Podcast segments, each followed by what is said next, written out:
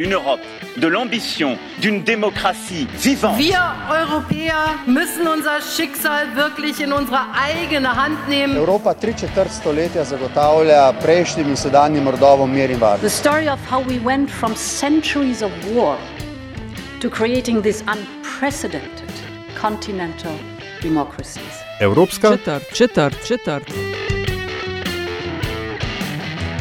The latest rule of law report for Slovenia notes that online harassment or threats against journalists are frequent and often not sanctioned.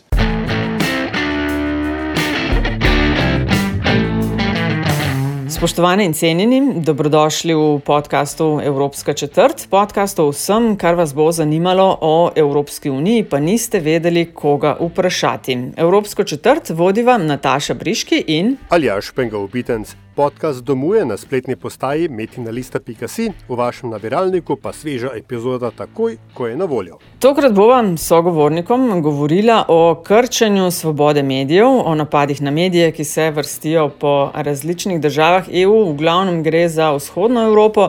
V zadnjih dneh ste morda opazili nekaj več novic v zvezi s tem iz Slovaške. Te dni minevajo tri leta od umora slovaškega preiskovalnega novinarja Jana Kucijaka in njegove zaročenke. Morilce še zdaj niso kaznovali. Potem imamo primer Malte. Za umor novinarke Dafne Galisijana je bil eden od storilcev ravno te dni obsojen na 15 let zapora.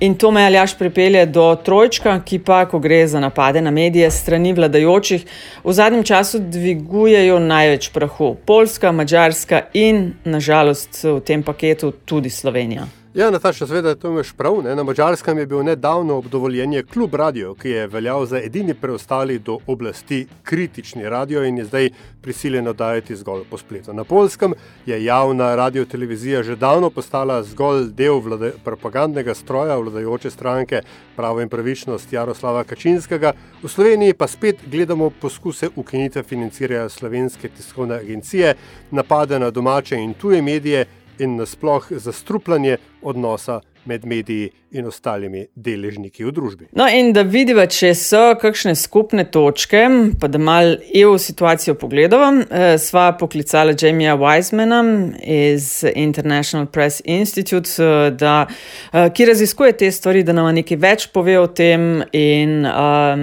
nadaljevanje pogovora bo pa v angleščini. With us, Jamie Wiseman, International Press Institute. Uh, Jamie, thanks so much uh, for your time and for uh, joining European Quarter podcast. Thanks a lot. It's great to be here. Um, and yeah, as you said, uh, my name is Jamie Wiseman. I'm an advocacy officer focusing and specializing in Europe at the International Press Institute, which is a global media freedom company organization, uh, which is based in Vienna in Austria. IPI is obviously not the only organization uh, regionally or globally dealing with this this sort of issues, but uh, you do have a, a, long and storied history as an organization, if I'm not mistaken.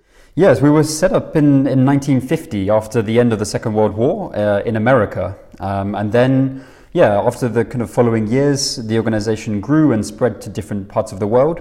Our kind of headquarters switched to Vienna. Um, and then we started, yeah, taking on more work and you know defending and protecting journalists around the world has been our mandate throughout that time. Um, and now we have a specialized unit really focusing uh, on Europe, which is in cooperation with the Media Freedom Rapid Response, which was uh, a new kind of coalition of different media freedom organizations in Europe, which was set up at the beginning of last year um, to kind of yeah share share work and uh, use a, a, bigger voice and yeah, do different types of monitoring, advocacy statements. Um, yeah, to defend journalists across Europe. And that is exactly, Jamie, what we would like to talk to you. Uh, we mentioned at the beginning um, at least five countries that are experiencing a decline in media freedom and, and uh, toxic attacks on the media. Um, countries being uh, Slovakia, Malta, Hungary, Poland, and unfortunately as well Slovenia. Uh, now, comparing all, all of these countries, um, um, what similarities or what differences do you see when talking about attacks on media freedom? Well, like you said, these are the kind of yeah the countries that are most on the radar of press freedom groups, but also the European Union itself. Um, and I, I would normally break them down into three different types. The first types, one you maybe didn't mention as well, is you know Bulgaria, different countries where there's been a kind of a transition from Soviet rule that's left a mark on the country, its institutions, and its society, and it's kind of left you know very weak uh, development of media and media pluralism. Um, and, uh, not a really understanding of what media freedom is. Um, and you know, issues of corruption and investigations of corruption often lead to physical attacks on journalists, making investigative work quite tricky. And then there's that second group that you mentioned, Malta and Slovakia, where yeah, there have obviously been really tragic, high profile murders of journalists in, in the last few years, um, with Jan Kuciak in, in Slovakia and Daphne Caruana Galizia in, in Malta, where, yeah, investigations of, of corruption and crim- criminal elements really spewed over into attacks on journalists with deadly consequences. Uh, but then there's a third group, which is, includes Poland, Hungary, and to some extent now Slovenia and the thing about these countries is here the, the attacks on media freedom, uh, you know, they're part of a, a, kind of a wider ideological battle uh, that the ruling parties and governments are ruling um, to kind of to try to reshape and reform the country's media landscape um, by weakening or undermining critical media and independent media. Um, so yeah, in these states, there's a kind of a whole segment of the media, uh, you know, the liberal liberal media on one side, that's framed and shaped as a political enemy, as a piece of opposition. Um, so that's what we've seen, you know, since uh, since 2010 in Hungary and since 2015 in Poland. And this means there's been a massive deterioration, decline in media freedom. Um, and attacks on independent journalism, which is really kind of eroding media pluralism very, very slowly. Just to jump in here, as you, sort of uh, set out the timeline now, specifically with with uh, Poland, Hungary, and and uh, as you say to some extent Slovenia, these things did not start happening at the same time. They're not, say, a reaction to I don't know a global event, trend, whatever, but uh, they seem to be a means to an end is that true and and and what that end really is? Is that i mean are we talking simply about a power grab uh, um, deconstructing the, the the liberal democratic state or is it something else at play? Yeah i think there is a particular ideological motive but also you know a very deeply political one. By eroding media pluralism weakening, weakening critical and independent and investigative media um, the kind of the landscape in, the, in, in, a particular country becomes much more favorable to, to the ruling party. Um, so there, there is a, a certain agenda there. Um, and I think this is, this is why this, this idea of this Orban model uh, has been, been so effective. Um, and this is, we've seen it kind of replicated in Poland over the last few years. Um, so IPI just uh, finished uh, a report and published a report which was about our press freedom mission to Poland. This was carried out in November and December last year.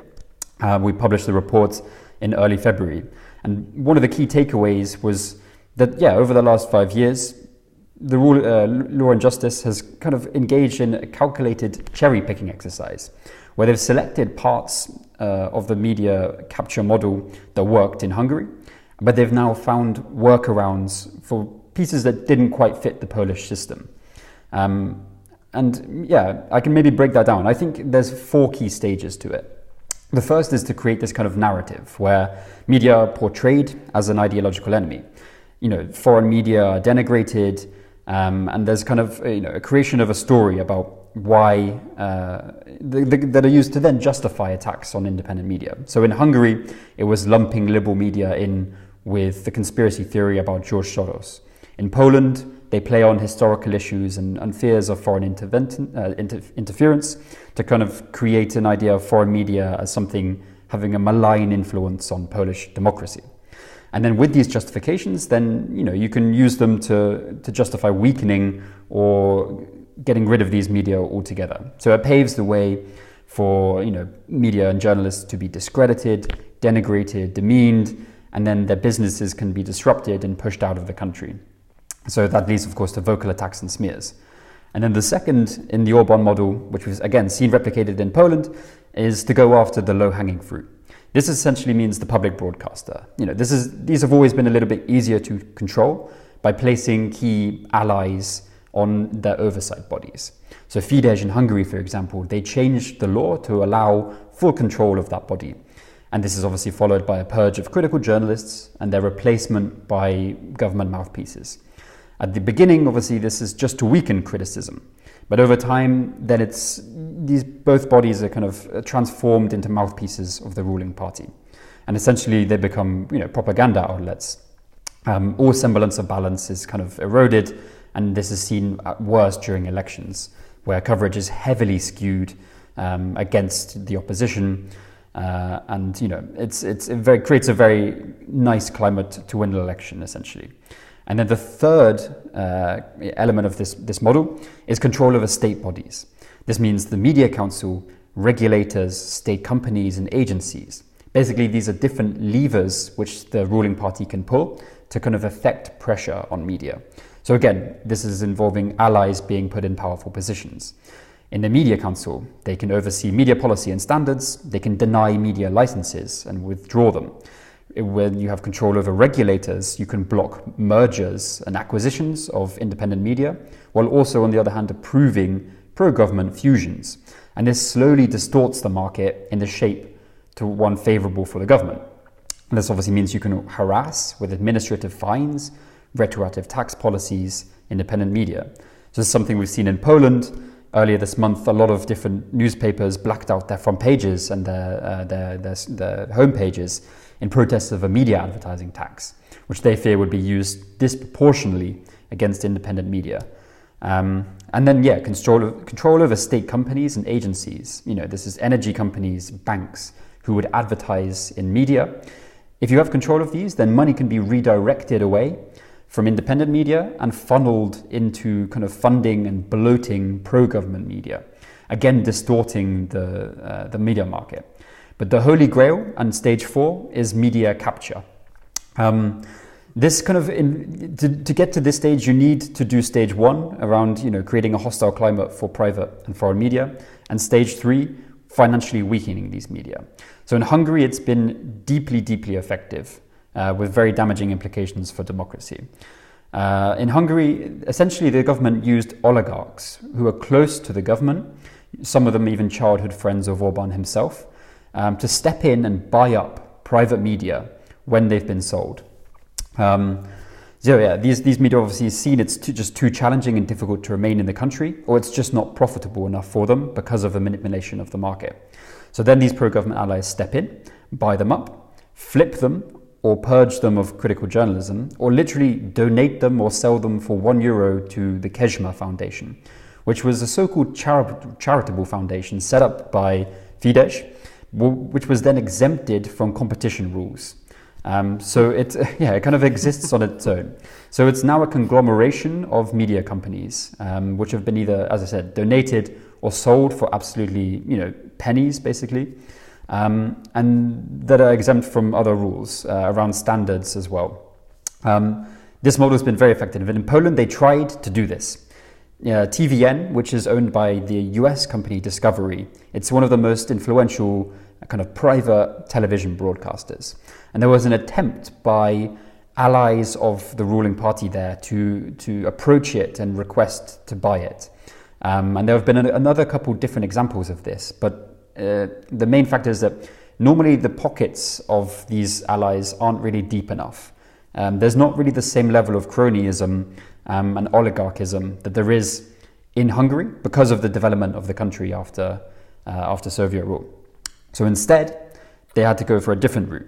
And this essentially was to create legislation uh, called repolonization or deconcentration. Uh, repolonization, which would uh, limit the amount of foreign capital that can be invested into the Polish media market. And deconcentration would break up bigger groups and kind of deconcentrate. And these were done ostensibly about, you know, creating greater media pluralism. But in reality, it was about concentrating more media under the control of the ruling party. Um, but this was obviously very politically and diplomatically difficult. This law, if passed, would have contravened directly with EU law, and it would have just begun another very challenging battle over you know, legal issues with the European Commission and Brussels. So instead, they had to look for an alternative. Uh, and basically, what Poland have done is they've pioneered a new model for media capture that's unique within the European Union. It hasn't been done before. And this happened in December when it achieved its first results, when the state controlled oil company, PKN Orlen, uh, which is headed by close, close allies of the, and, uh, the Law and Justice Party, bought a German owned private media company, Polska Press.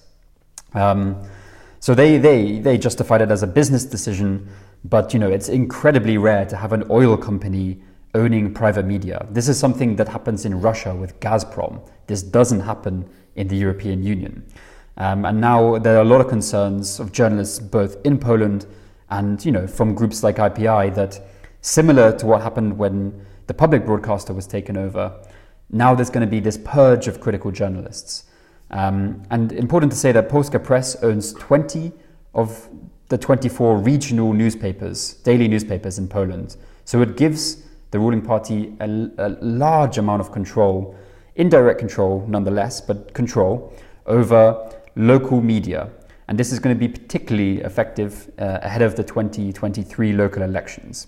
So, as you said, you know, Aljaž, um, this is all done with a, with a political and ideological aim. You know, these are creating a very healthy system for winning the elections of both of these parties going ahead. A lot of what, what you've described here in terms of uh, large para-state companies buying buying uh, um, media outlets or media groups, uh, and or, or changing legislation, um, sort of um, adjusting the rules to to um, you know tilt tilt the the, the playing field. All of this has been happening in Slovenia multiple on multiple occasions. For example, uh, there was this big debate on quote unquote balancing the media between 2004 and 2008 uh, when the current prime minister was first in power. And uh, there was a lot of what you described was happening in stage two or three in, in, in Hungary was already happening in Slovenia then. And yet, it's, we seem to have somehow bounced back from that, and we are again here. So, I mean, is this a one-way street, or you know, should could, could we be cautiously optimistic or at least hopeful? I mean, it's definitely not a one-way street. Um, you know, a lot of times, you know, often declines in media freedom are down to particular governments being in power, and you know, in democracies, this power uh, ends eventually when there are new elections and, and they lose. So there's always a route back. But I think, yeah, like you mentioned, we are seeing, we have seen in the past issues like that in Slovenia, and we are now seeing them again. So if we kind of, yeah, we, we take that model that I just described, mm-hmm. we apply it to Slovenia, then the question becomes how many elements or characteristics of this do we see there?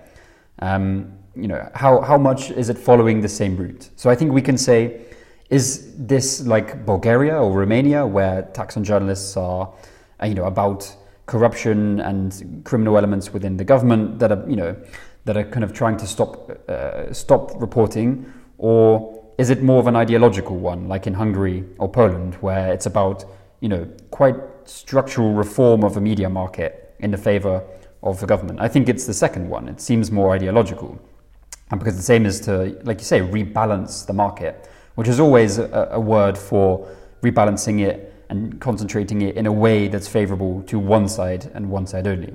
Um, and then, yeah, we see that first, first, uh, first part of the model as well this denigration and attempts to discredit critical journalists. Yes, we're seeing that, particularly from the Prime Minister himself, sadly, um, and that creation of a hostile climate. We're also seeing this. The second stage, going after the public broadcasters. This is where it gets a little bit trickier. Obviously, in Poland and Hungary, you know, they went after them very hard, very early, and the effects uh, were, were basically immediate. Within within a year, uh, Fidesz had basically control over the media council, uh, and then then the public broadcaster as well. In Slovenia, it's a little bit different, and obviously we've seen these this legislative bill, which would kind of defund the public broadcaster and give greater oversight, uh, control over the oversight of the press agency. So there's elements of it there. Obviously, it hasn't been quite as effective yet, but obviously, yeah, it hasn't stopped there as well. You know, we've seen what's happened with with UKOM, the government communication office, again mm-hmm. blocking the funding of, of STA. Um, you know, on its own, this might seem some, like something isolated, but you know, if you look at it against the last year and everything that's been done to kind of create a hostile climate and discredit public media, then it does seem like quite a worrying sign that yes, they are starting stage two, which is going after the public broadcasters. And then, you know, stage three, this is where we're looking at now. And stage four, I don't think we're there yet. It takes a lot to get to stage four, and you need the necessary conditions and control over state institutions, banks, companies, everything to get to that stage. Mm. So, s- since basically day one, uh, since Prime Minister Janša uh, and his government and his party assumed power in Slovenia, he is in a war with the media. Um, lately, the case of political journalist Lili Bayer um, gained a lot of attention. Uh, there has been calls for prime minister to appear before a monitoring group uh, for a talk on the media situation in Slovenia, um, and a lot of criticism coming from EU institutions, various uh, MEPs. But uh, Jamie, tell us what can they actually do besides talking about it, besides criticizing what is happening in the country? Well, I mean, statements, you know, public condemnation from, from the European Union, the European Commission, from MEPs is, you know, it, it is important. Um, but like you say, it just it doesn't mm-hmm. it doesn't go far enough. Um, and that's not, you know, it's it's it's tough to compare the situation in Slovenia to Hungary and Poland now, where you know they've been unable to really address structural issues, um, you know, systematic issues. In Slovenia, um, condemnation of you know these these kind of attacks, like you said, on the Politico journalist Lili Bayer. Um, this can be dealt with a little bit by condemnation and trying to you know to bring on side and, and reduce tensions. Um, but essentially, there's nothing they can do to change rhetoric. Um, but if we're talking about what the EU institutions can do on a kind of a wider scale, um, then it becomes a little bit more difficult because in Poland and Hungary, these campaigns against media freedom have sort of been designed in a way to be as complex as possible um, and to give the governments plausible deniability in meddling with media. Um, you know, they're designed to work in the grey areas of EU law um, and designed to be scattered enough that individually they don't look too bad, but when you actually see them together, then you see the extent of the crackdown. So you know, there the EU is sort of limited in, in what it can do. And over the last few years, it's, it's had to really redesign its toolbox to, to deal with these situations. Um, so there are things it can do. You know, there, there are state aid complaints, essentially uh, starting now in, in Hungary. They were uh, submitted last year in September, and they would address market distortion and see if they are uh, incompatible with EU law. But the Commission hasn't responded to them yet. Um, there's the European Democracy Action Plan, which is being uh, launched, uh, I think, later this year, um, which you know was really hoping to take action against strategic lawsuits against public participation or SLAPs, uh, but also uh, do a lot to support struggling independent media. And then, most importantly of all, there's the rule of law mechanism, which uh, yeah was was designed to kind of tie EU funding to respect for democratic values and media freedom. Um, this was uh, yeah delayed due, due to COVID nineteen, and we, we, kind of prioritized the release of EU funds. Um, but that debate will return. But of course, it's it's absolutely opposed by both Hungary and Poland, um, who would absolutely never like to see it pass. Um, so it's essential that you know if, if, if this mechanism works, it could really have a major effect on on defending media freedom across EU states. So it, it needs to keep its teeth, it needs not to be watered down. Mm-hmm. Vice President uh, of EU and the Commissioner Vera Jourova, a Czech politician who has been Commissioner for Values and Transparency, uh, recently said that EU underestimated the role of media in upholding democracy. Um, what's your comment? Did the EU underestimated the role of media or is underestimating? I don't think they ever underestimated the, the importance of media freedom for democracy. You know, they will have known that it was a central pillar of a democracy, and if media freedom is hollowed out, then democracy itself is hollowed out. Um, but I think there was a lack of understanding about the nature of the attacks upon it within Hungary and within Poland. And there was a kind of, yeah, partly bureaucratic and partly lack of political will issues in responding. Um, so i I think they've underestimated uh, just how bad these situations would get, but also how much they would start spreading as well. You know, this isn't just an issue for Hungary and Poland anymore, but for Slovenia and essentially for any other country within the bloc which chooses to do the same thing. You know, inaction on, on state aid and distortion in Hungary only encourages it in Poland. And when people see that it can be done in Poland without major repercussions, then they're going to kind of replicate it in different countries. Um, so I think that's the real way that they've underestimated just how much this this issue could spread. Jamie, thanks for uh, guiding us so clearly through all these steps and. Uh, uh, showing us similarities and differences between the cases of uh, Hungary, Poland, uh, and Slovenia. And thank you very much for being a guest on the European Quarter podcast. My pleasure. Thanks very much. To je bila Evropska četrta, 65. v podcast Vesolju. Hvala za vašo pozornost, predlogi in mnenja pa so kot vedno zelo dobrodošli. Hvala pa tudi za pohvale in kritike, ki jih delite z nama, in res hvala za investicije, ki jih namenjate razvoju in produkciji naših vsebin.